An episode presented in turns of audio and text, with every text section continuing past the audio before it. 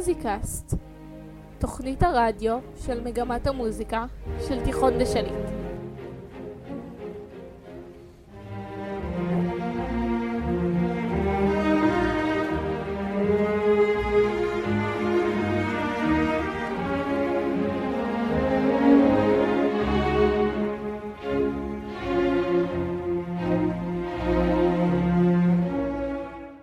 שלום וברוכים הבאים לתוכנית שלנו. אני פז ואיתי כאן איתן, דפנה ומאיה, ואנחנו נדבר איתכם היום על הביטלס.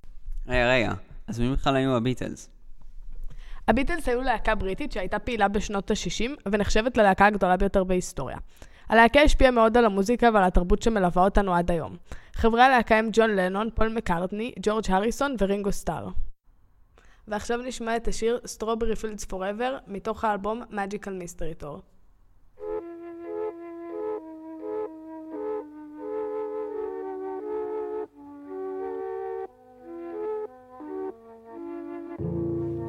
take it.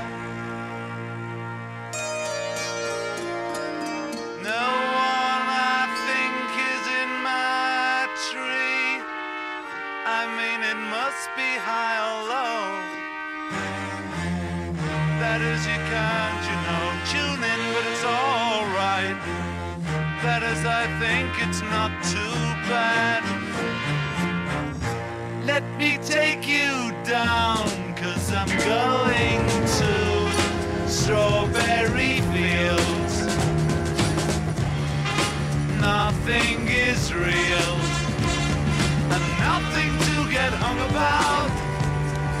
Strawberry fields forever. Always know, sometimes think it's me. But you know, I know when it's a dream. I think I know, I mean, uh, yes, but it's all wrong. That is, I think I disagree.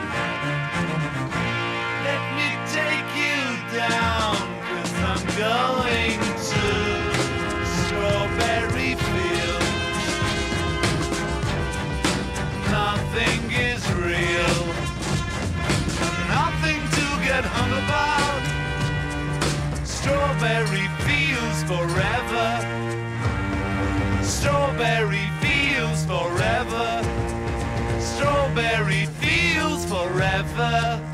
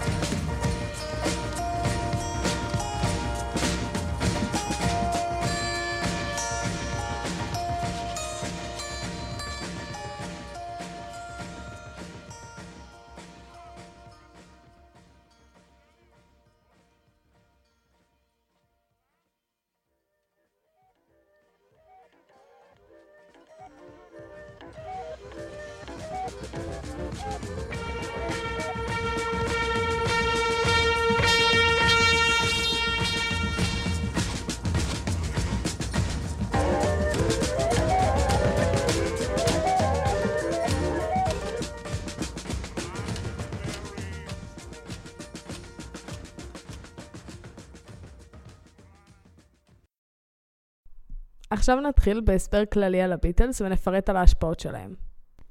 לביטלס יש כ-13 אלבומי אולפן. אחד האלבומים המוכרים שלהם הוא Abbey Road, שאחד מסמלי הסטטוס שלהם.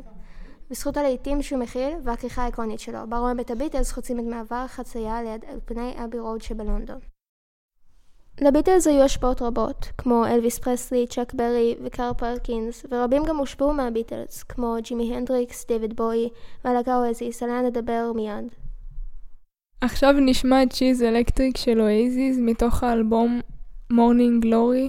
המנגינה בפזמון של השיר הזה היא זהה למנגינה של... בפזמון While My Guitar Gently Weeps של הביטלס.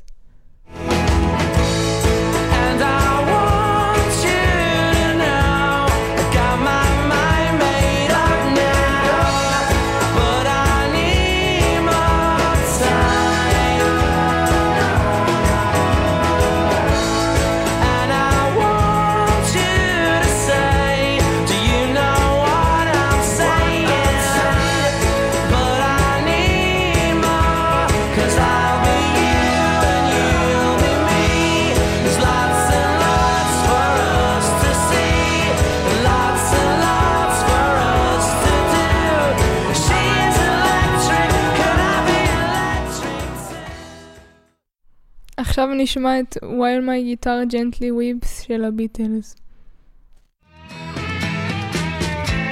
I don't know why nobody told you how to unfold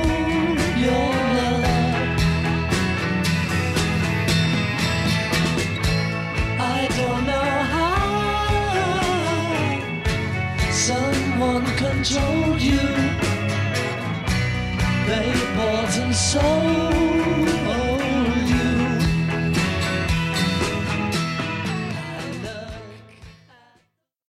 אז מה הקשר ביניהם? שתי המנגינות מאוד דומות, ככה שחוץ מכמה קישוטים והבדלים קטנים בקצב, הן זהות. בשני השירים יש קפיצה וירידה, שהיא סימן הזיהוי של השיר של הביטלס, ולכן כששומעים את אותה הקפיצה בשיר של אזיס, ישר נזכרים ב-One My Guitar Gently Weeps. עכשיו נשמע את המנגינה של הפזמון משיז אלקטריק ופסנתר.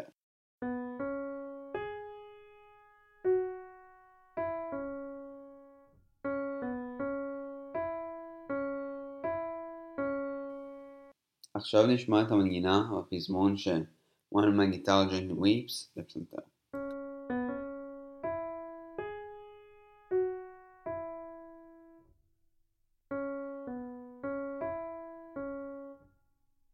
האקורדים בשני השירים מאוד דומים. רגע, פז, מה זה בכלל אקורד? אקורד הוא צירוף של שלושה צדדים או יותר המנוגנים יחד. אקורד יכול להיות למשל או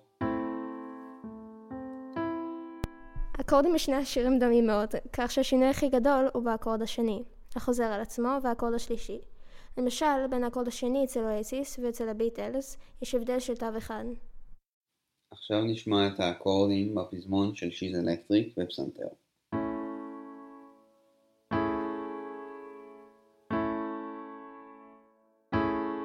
עכשיו נשמע את האקורדים של While My Guitar Weeps בפסנתר.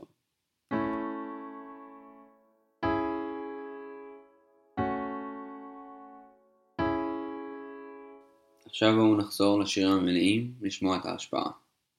She's Electric של Oasis. Música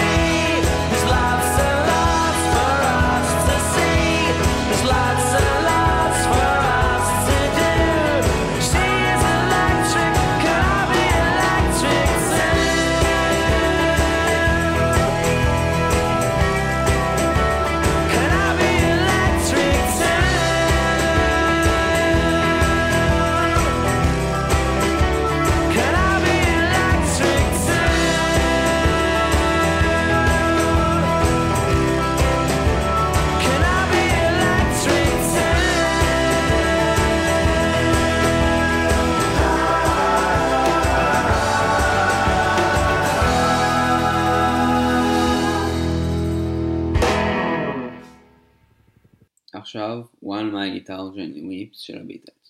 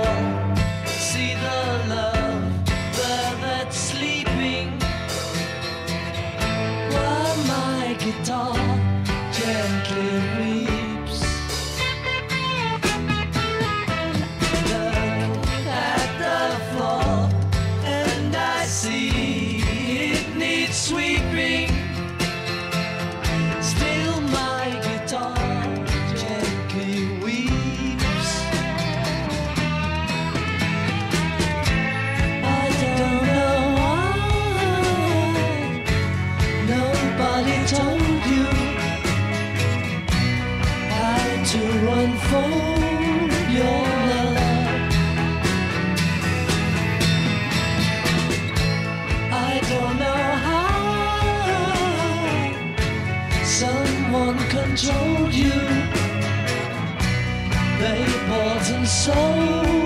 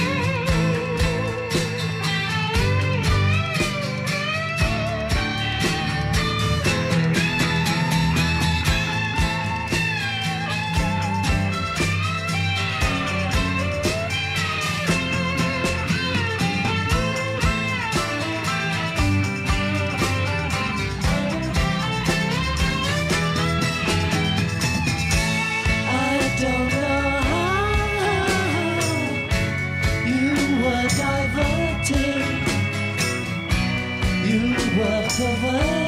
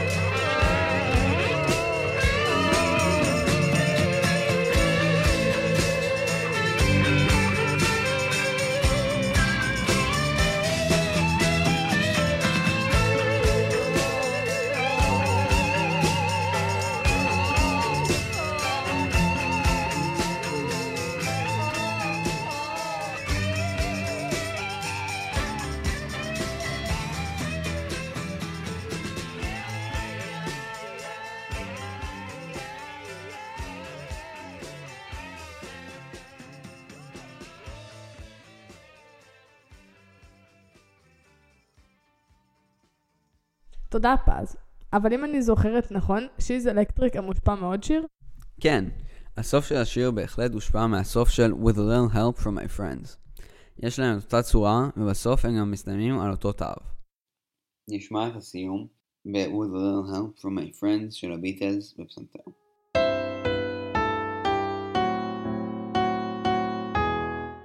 נשמע את הסיום של שיז אלקטריק של אוייסיס בפסנתר.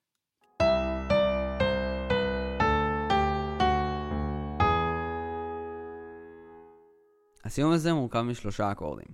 הראשון והאחרון אותו דבר בשני השירים.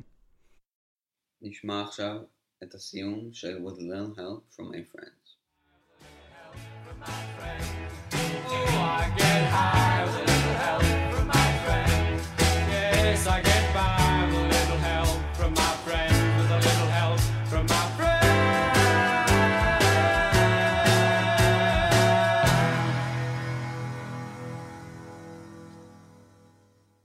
תודה רבה איתן. נשמע שהביטלס השפיעו הרבה על אוייזיס. מאיה, לא אמרת שיש עוד שיר שהושפע מהביטלס?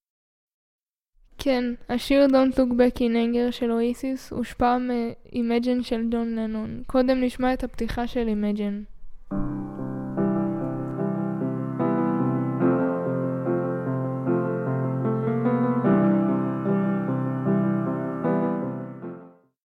עכשיו נשמע את הפתיחה ל-Don't Look Back in Anger.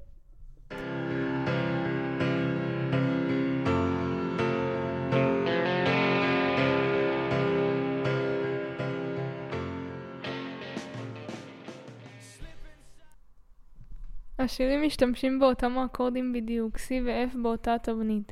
התבנית היא לנגן אקורד ואז את הבאס שלו. הבאס זה הצליל הכי נמוך באקורד. נואל גלגר, גיטריסט וזמר באוייסיס, הודה בעצמו שההתחלה של השיר Don't Look Back in Anger נוצרה בהשראת השיר Imagine. מאיה, רק המנגינה הושפעה מהביטלס? לא, גם המילים. יש בשיר את המילים So I started a revolution from my bed, cause you said the brains I had went to my head. המילים מתייחסות לתקופה שבה ג'ון לנון ואשתו יוקו הציגו את העמדה שלהם לגבי המלחמה הווייטנאמית דרך השירים המשמעותיים שכתבו מהמיטה שלהם. עכשיו, Ain't She Sweet של הביטלס.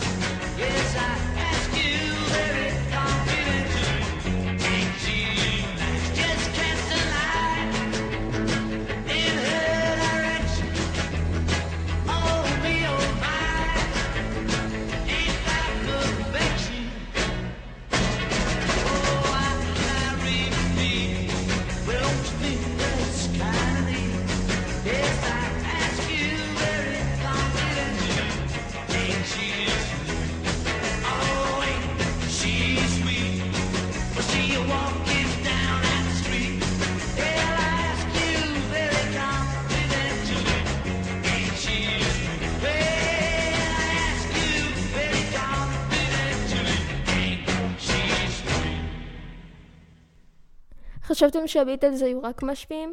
לא ולא. הביטלס היו מושפעים מאוד מהמוזיקה שהייתה בארצות הברית בשנות החמישים, בעיקר מסגנון הרוקנרול. מוזיקאים אמריקאים רבים השפיעו על הביטלס, כמו למשל אלוויס פרסלי, שהיה אלילו של ג'ון לנון, ואפילו קרא לחתול שלו על שמו. עוד אחד מהמשפיעים הגדולים על הביטלס היה צ'אק ברי, שאפילו תבע את הביטלס, שאם שמעתי נכון גנבו לו שיר, בשנת 1956 שחרר צ'אק ברי סינגל בשם You Can't Catch Me. השיר זכה לגרסאות כיסוי רבות, כמו למשל גרסה של הרולינג סטונס וגרסה של ג'ורג' ת'ורוגוד and the Destroyers. כשג'ון לנון ניגן בפעם הראשונה לחברי הביטלס את השיר Come Together, מקארטני ציין בפניו שהשיר דומה מאוד לשיר של צ'אק ברי והמליץ לו לקחת את השיר שלו לכיוון אחר. שני השירים מתאפיינים במלודיה דומה, והודות לליין הבאס האיקוני שהוסיף פול מקארטני והאטת קצב השיר, הדמיון בין השירים מתרחק קצת, והביטלס הצליחו ליצור גרסה קצת יותר מקורית. ואם עד עכשיו היה לכם ספק בדמיון בין השירים, תתפלאו לשמוע שזה לא רק המלודיה, ושלנו גם העתיק חלק מהמילים בשיר. כמו למשל את השורה Here comes old flat top. כאשר Come Together יצא באלבום אבי רוד בשנת 1969, מוריס לוי, שהיה בעל החברה ביג 7 מיוזיק, שהייתה החברה שפרסמה את השיר You Can't Catch Me, הגישה תביעה נגד ג'ון לנון על העתקת השיר. אך שני הצדדים הצליחו להגיע להסכם משותף, המחייב את ג'ון להקליט שלושה שירים של ביג 7 מיוזיק ולהכניס אותם לאלבומו. אחד מהשירים היה ביצועו של ג'ון לשיר You Can't Catch Me, והיא גרסה מאחדת את שתי הגרסאות של הביטלס ושל צ'אק ברי. זה ציטוט של ג'ון לנון על השיר. Come together is me, writing obscurely around an old Chuck Berry thing. I left the line in Here comes old flat top. It's nothing like the Chuck Berry song, but they took me to court because I admitted the influence once years ago. I could have changed it to Here comes old Iron Face, but the song remains independent of Chuck Berry or anybody else on earth. או בתרגום לעברית. השיר הזה הוא שיר שכתבתי בצורה מעורפלת סביב דבר ישן של צ'אק ברי. השארתי את השורה Here comes old flat top. זה לא כמו השיר של צ'אק ברי, אבל הם לקחו אותי לבית המשפט, כי הודיתי בהשפעה שהייתה לשיר שלו לפני כמה שנים. יכולתי לשנות את זה ל"כאן באים פני ברזל ישנים", אבל השיר נשאר עצמאי מצ'אק ברי או מכל אחד אחר. עכשיו נשמע את השיר You Can't Catch Me של צ'אק ברי. I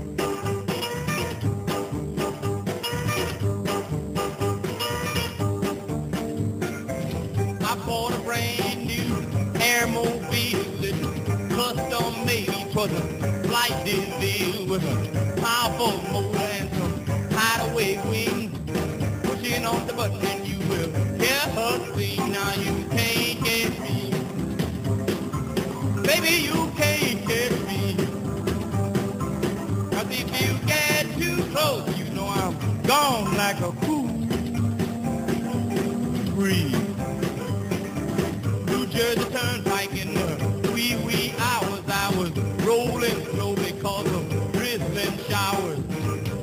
On, flat top. He was moving up with me. Then come waving goodbye in a little old blue Dutch jitney. I put my foot in my tank and I began to roll.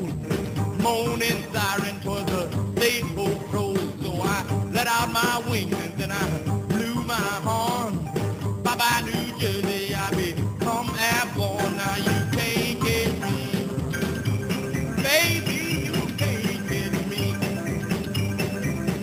if you get too close, you know I'm gone like a cool breeze. Flying with my baby last Saturday night.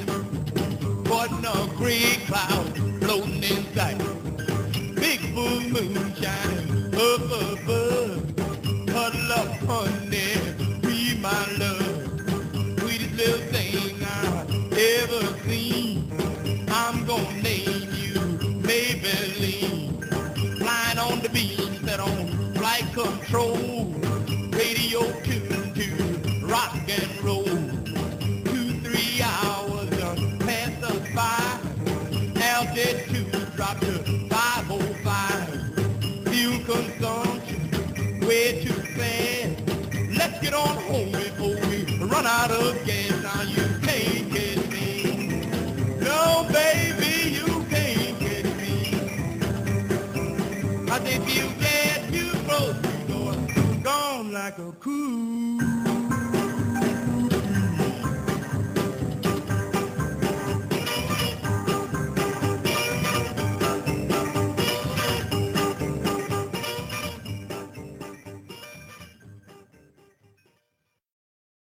עכשיו נשמע את Come Together של הביטלס, שהושפע מ-You Can't Catch Me.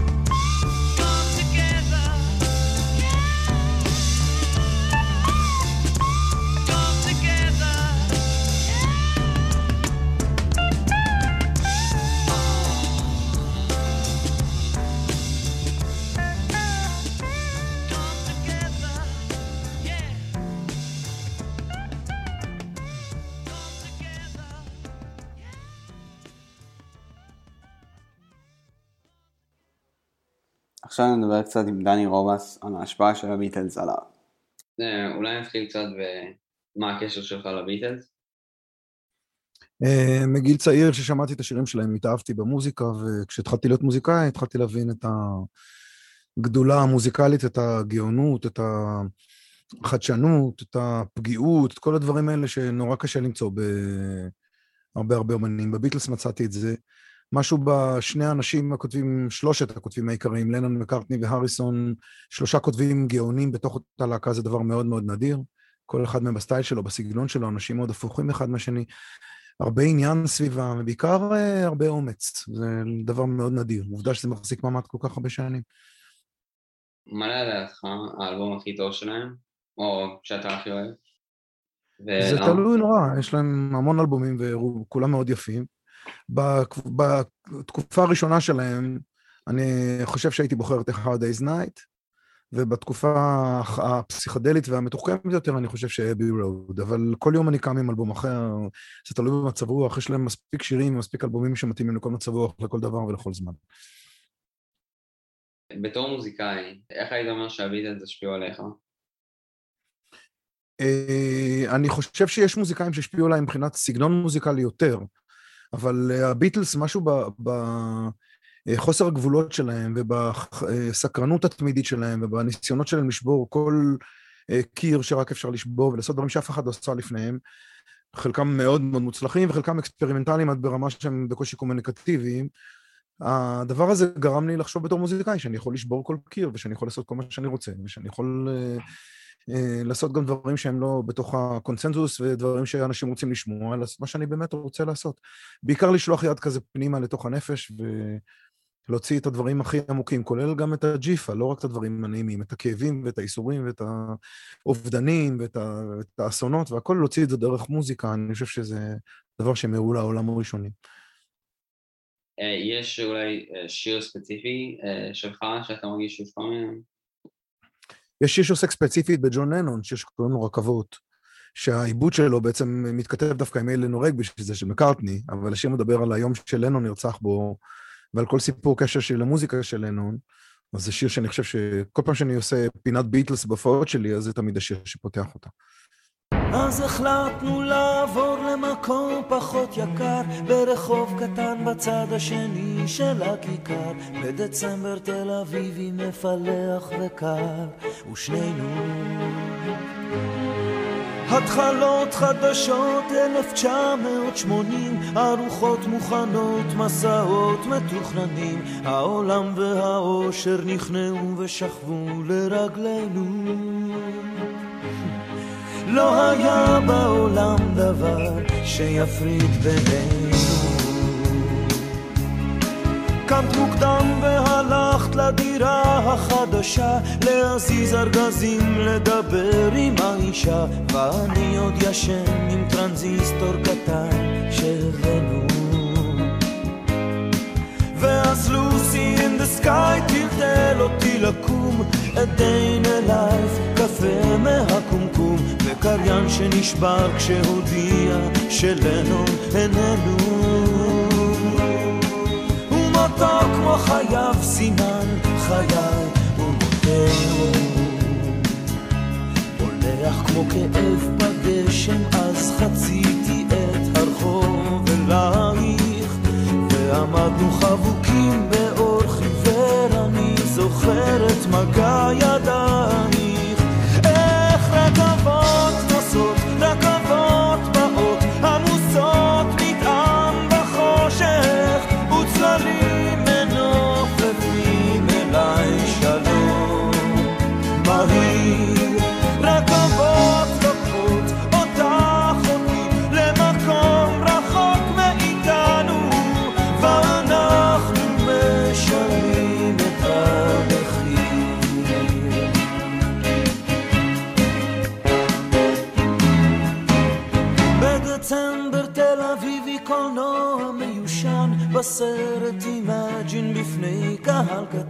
השעון נעצר בשמונים ושמונה עלינו.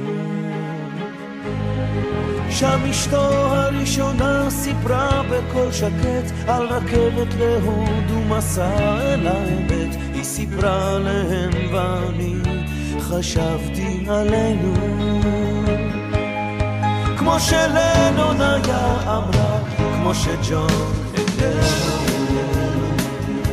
בהמולה היא נשארה על הרציף המון סגר עליה. היא ידעה שהרכבת שנסעה לקחה אותו מסיפור חייה.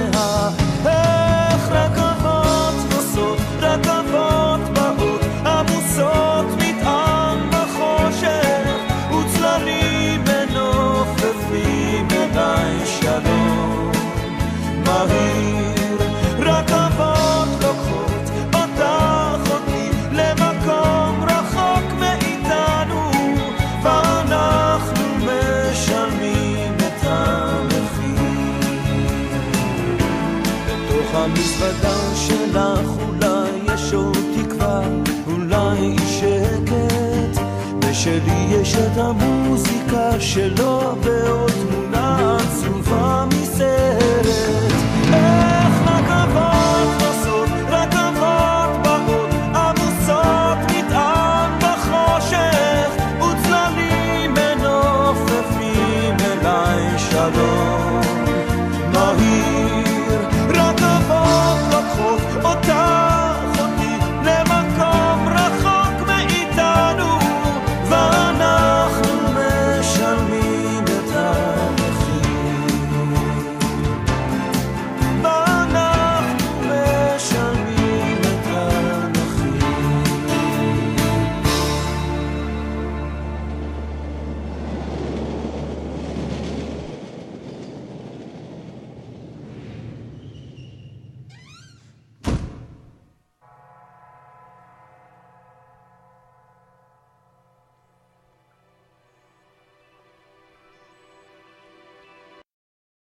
יש אחד מהחברי הביטלס שהשפיע עליך במיוחד? אה, אני חושב, מקארטני הוא המוזיקאי, הוא המוזיקאי המיומן ביותר בין הביטלס, הוא המוזיקאי המתוחכם ביותר בין הביטלס, אבל ללנון יש איזו כנות פוגענית ושורטת שמאוד מדברת אליי. אולי בגלל שאני באופי יותר דומה למקארטני, למקום החרוץ יותר וה, והרומנטיקני יותר והדיפלומטי יותר, להבדיל מלנון החרוץ, הח, החרוך והפגיע מאוד וה, והמרושע לפעמים. אז אולי בגלל זה אני נמשך אליו, אני חושב, בגלל שאני לא כמוהו, זה משהו שאני, מסקרן אותי מאוד איך זה קורה. אבל תשמע, אי אפשר, גם אה, לנון, גם אה, מקארטני וגם אה, הריסון, אין, אין דברים כאלה פשוט. מה עכשיו היה סוד ההצלחה של הביטלס? אה, כנות, חריצות מאוד מאוד גדולה. התקופה הראשונה, השנים הראשונות של העבודה שלהם, זה, אתה קורא את היומן העבודה שלהם ואתה לא מאמין שאנשים יכולים לעשות את כל מה שהם עשו בתקופה הזו מבחינת הספק ותפוקה. Uh, בעיקר, אני חושב, יושר אומנותי, לא אי התפשרות עם שום דבר ולא לקפוא על השמרים. זאת אומרת, לא לעשות אותו דבר עוד פעם, כי זה מה שנורא נורא הצליח, אלא ללכת לדבר הבא. יש בהתקדמות ובחדשנות הזו משהו שלדעתי משמר אותם כל השנים האלה. והזכרת את התפוקה הגדולה שלהם, איך אתה חושב שהם הצליחו לכתוב אה, כל כך מהר? Uh, בגלל שהם היו יותר מאחד, והייתה תחרות מאוד גדולה ביניהם, בעיקר בין לנון ובין מקארטני. אז התחושה של לנון תמיד הייתה שמקארטני ושיר, אני צריך להביא גם, ואותו דבר הפוך. אז היה מין פינג פונג כזה, אתה יודע, אומרים קנאת סופרים תרבה חוכמה, אז קנאת מוזיקאים, ארבעה שירים, הם רצו... חוץ מזה שהיה להם לחץ עצום של, של המנהלים שלהם, ושל בעיקר בריין אפשטיין, שניהל אותם בהתחלת הדרך, שהפעיל עליהם לחץ עצום להוציא שני אלבומים כל שנה, והם פשוט מחויבים בדדליין. אז כל פעם שמישהו הביא איזה משהו מבריק, השני אמר, אני חייב להתעלות עליו, וככה, אתה יודע, זה אסקלציה כזאת, פינג פונג. איך אתה חושב שה... שמעט הידע שהיה לביטלס בתיאוריה השפיע על הכתיבה שלהם? לא השפיע בכלל, לדעתי הידע שלהם היה מינימלי ביותר בתיאוריה, אף אחד מהם לא ידע לכתוב תו אחד, גם מקארטני, כמעט עד סוף הביטלס. האינטואיציה המוזיקלית שלהם, אני תמיד אומר שתיאוריה זה דבר נורא חשוב, אני, אני מאמין גדול בללמוד מוזיקה, אני לא חושב שזה הדבר העיקרי, הדבר העיקרי זה כישרון ותעוזה. אם אתה יודע תיאוריה, אז אתה יודע מה שאתה עושה, אתה מבין מה שאתה עושה. יש אנשים שעשו דברים גאוניים במוזיקה בלי להבין שום דבר מה שהם עשו. זה כמו ההבדל בין בן אדם שמספר סיפורים מדהים, לבין בן אדם שגם מספר סיפורים מדהים וגם יודע לכתוב את זה, נגיד, לכתוב את הסיפורים האלה. זה לא עושה את הסיפור, זה לא אומר שאם אתה יודע לכתוב סיפורים, אז אתה גם כותב, כותב סיפורים מדהימים. אבל אם אתה כותב סיפורים מדהימים ואתה יודע גם לכתוב אותם, אז זה סבבה. אז תלמד תיאוריה, כן, אבל זה לא העניין. העניין זה להיות, להבין מוזיקה אינטואיטיבית, דרך הבטן, דרך הרגש, דרך התחושה, ואז אתה תגיע למקומות... הם עשו הרבה דברים, דרך אגב, שלא עומדים בסטנדרטים של התיאוריה, כל מיני דברים מוזיקליים שנוגדים לחלוטין את כל התיאוריות המוזיקליות הקלאסיות, וצריך לציין את ג'ורג' מרטין, המפיק המוזיקלי שלהם, שגם יצא לי לפגוש אותו ולעבוד איתו, שהוא אה, נתן להם חופש אומנותי וגם הוליך אותם לכל מיני כיוונים מוזיקליים מבחינת כתיבת מיתרים, כתיבת נשיפה, דברים כאלה שלהקות אחרות לא עשו, והקומבינציה והתעוזה שלו גם לתת להם לעשות את מה שהם רוצים, גם כשזה נוגד את החוקים המוזיקליים, נתנה להם, השמיים היו הגבול. איך אתה חושב שהמוזיקה היום הייתה נראית בלי הביטלס? תשמע, זה כמו איך להגיד שהיהדות הייתה נראית בלי התנ"ך. אתה יודע, זה הבסיס. הם עשו, כל, כל מה שאתה שומע היום במוזיקה, כל דבר, כולל היפ-הופ, כולל דברים כאלה, הם עשו ראשונים, מבחינת מקצבים, מבחינת תחושה, מבחינת איך עושים את זה, מה, מה עושים עם זה. כל דבר כמעט שהם עשו, הם עשו ראשונים. מאחר שהם היו על קרקע בתולה, זה היה קל. כל מה שהם עשו היה ראשון. אחריו דברים מתחילים בביטלס והלאה. אני בעיניי זה אבני היסוד של המוזיקה המודרנית, של מוזיקת הפופ, של מוזיקת הרוק, של כל המוזיקה המודרנית של היום.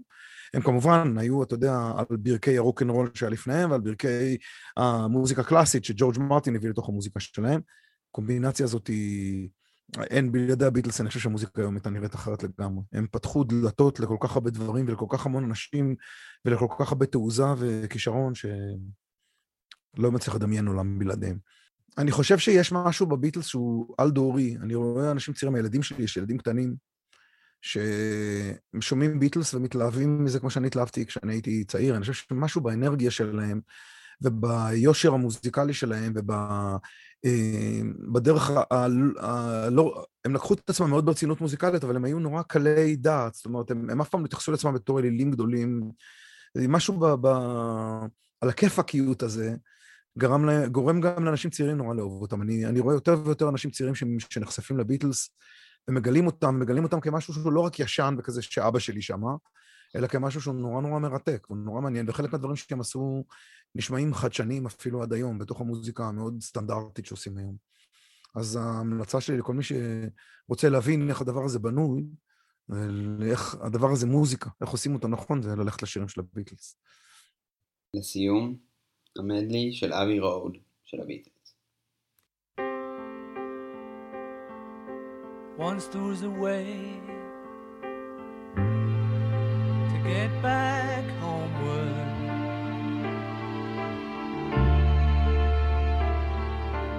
Once there was a way to get back home. Sleep, pretty darling, do not cry. And I will sing a lullaby.